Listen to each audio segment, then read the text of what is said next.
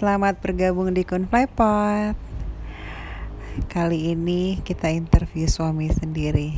Yuk, cara diam-diam. Nabi, Hmm. aku mau nanya. Janganlah aku tengah nonton. Kenapa Ayang nak, tak nak. Tengah nonton. Jangan kacau ayah. dulu Ayang kejam banget sama aku. Apa dia manja? Satu pertanyaan sebelum tidur. Apa dia?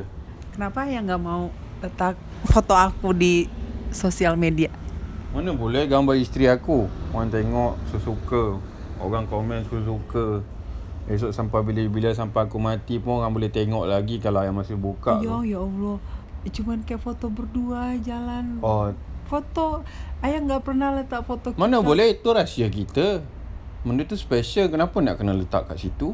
Ya untuk Tayang kat orang, pamer kat orang. Ya, enggak. Untuk apa? ya bukan mamer ke orang Tak mas. payah yang ada orang tu kesian. Kita ni bersyukur ada ada orang tu tak bahagia. Ada orang tu duk tani-tani gambar kat uh, uh, Facebook beria sampai over sampai satu saat bercerai. Ada orang tu Ya nggak teri- kayak gitu. Ada dengar dulu, ada insan lain tengok, "Wih aku nak macam ni." Tapi dia tak berkemampuan nak tak gambar macam tu. Cuba fikir orang lain macam mana dia orang tengok kita. Contoh ayah ambil gambar kita berdua tengah te- contoh pergi tempat mewah ke apa. Ada orang yang tak bernasib baik, teringin, kesian dia. Cuba yang fikir kat situ. Kan tujuannya nggak mamer, bukan untuk memamer tujuan. Ya, walaupun yang tak berniat pamer, benda tu ada kat media sosial. Orang kita boleh mengundang fitnah kat orang. Padahal orang tu ah orang mulut Ayang ni. Iya betul, mulut orang ni kita tak boleh nak tahan ayah. Kesian dia dapat dosa. Bukan nak cakap aku ni perfect apa, tapi cara aku macam tu ayah kena faham. Kenapa yang nggak pernah kalau kita jalan pegang tangan aku?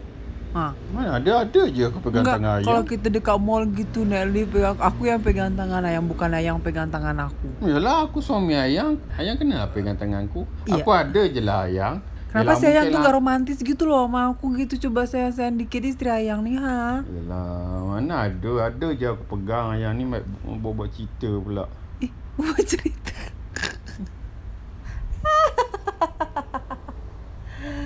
Kenapa yang manja sangat?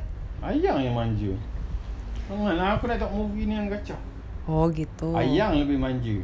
Uh ayang tu manja. Uh tu Kena marah tak boleh Tapi aku tetap nak marah ayang Eh, Tidak si- nak nak esok Emang ada orang yang mau kena marah? Kan nggak ada. Ha, tu dengar cakap lah. Jangan deging Aku manja-manja Aku tegas dengan ayah. Aku tak boleh biarkan. Anda tengok macam orang zaman sekarang ni Dia orang nak tegur anak dia orang pun takut.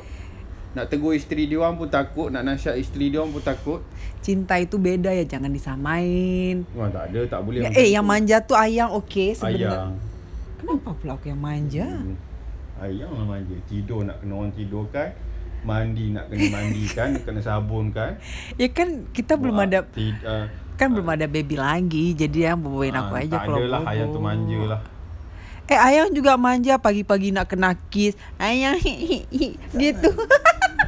Ada Ayang yang manja Merengek macam budak kecil eh aku aku kan perempuan biasa dimanjain. nggak apa-apa lah. Emang salah. Dah lah ayang Ayang nih eh. Kenapa sih ini punya siapa nih tuh ha? Ayang nih. Kenapa sih yang nggak Ayang kenapa sih Ayang tu nggak manja tu. Merajuk Cengeng.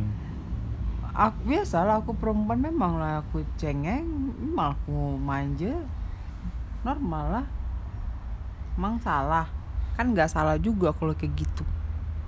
Ayang kenapa ya suka cuekin? Aku nggak mau cerita cerita sama aku nih. Tak nak ayang Tak nak menunda gitu lah aku cerita doang. Ya Dah lah manja ya. Nanti kita cerita lagi ya. Tonek-tonek ni. Hei manja sangat. Mana ya. Selama ayang udah udah udah us- nggak usah nggak usah nggak usah. Nggak usah kesel aku. udah sana sana